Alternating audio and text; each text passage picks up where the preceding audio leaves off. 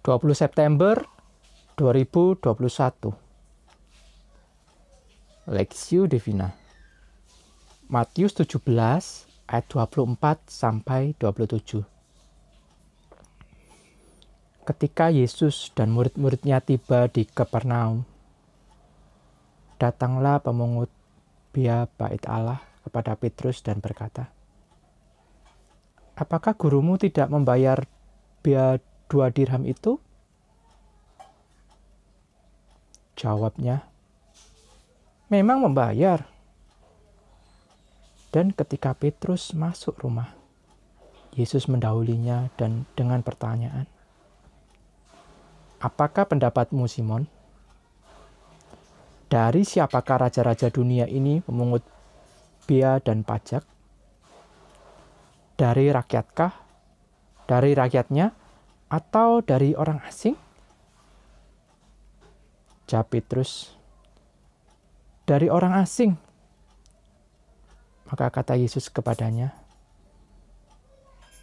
jadi bebaslah rakyatnya. Tetapi supaya jangan kita menjadi batu sandungan bagi mereka, pergilah memancing ke danau, dan ikan pertama yang kau pancing tangkaplah dan bukalah mulutnya. Maka engkau akan menemukan mata uang empat dirham di dalamnya. Ambillah itu dan bayarkanlah kepada mereka, bagiku dan bagimu juga. Mujizat koin di mulut ikan. Perspektif. Tetapi supaya jangan kita menjadi batu sandungan bagi mereka, pergilah. Matius 17 ayat 27. Kita biasanya kesal apabila diminta melakukan sesuatu yang bukan kewajiban kita. Bukankah kita sering menggerutu ketika kendaraan kita hanya berhenti sebentar, tetapi diminta bayar parkir?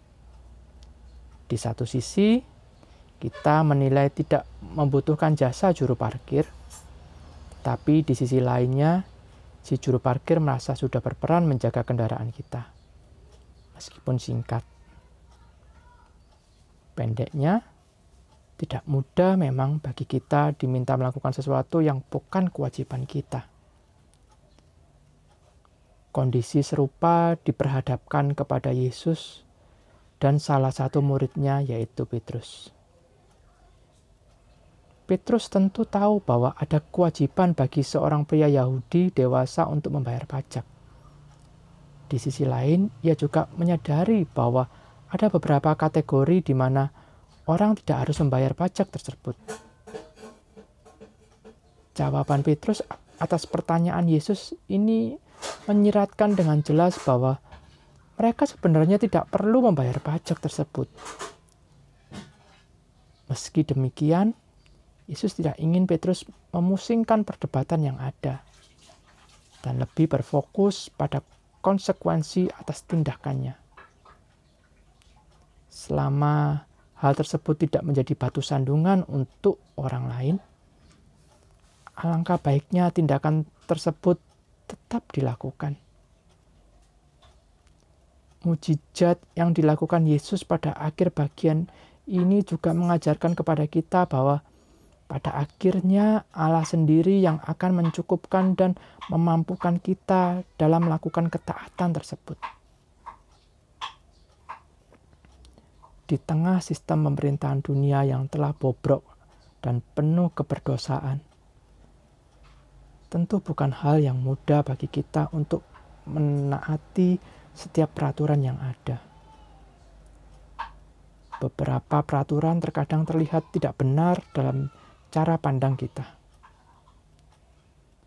Firman Tuhan hari ini mengajarkan kita bahwa tidak setuju akan sesuatu bukan berarti kita punya hak untuk tidak taat. Selama hal tersebut bukan tindakan yang berdosa, kita tidak pernah tahu apakah ketaatan, ketaatan kita akan menjadi jalan bagi orang lain untuk melihat karya Injil.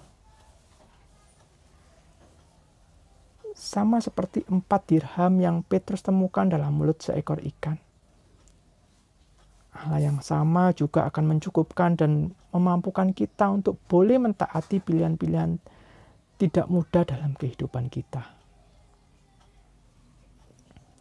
Studi pribadi, bagaimanakah kasih Anda kepada Allah menolong Anda untuk hidup dalam ketaatan kepada pemimpin dan pemerintah? Pokok doa, berdoalah agar setiap anak Tuhan tetap bersikap bijak dalam menghadapi masa pandemi ini dan tidak menjadi batu sandungan bagi orang lainnya.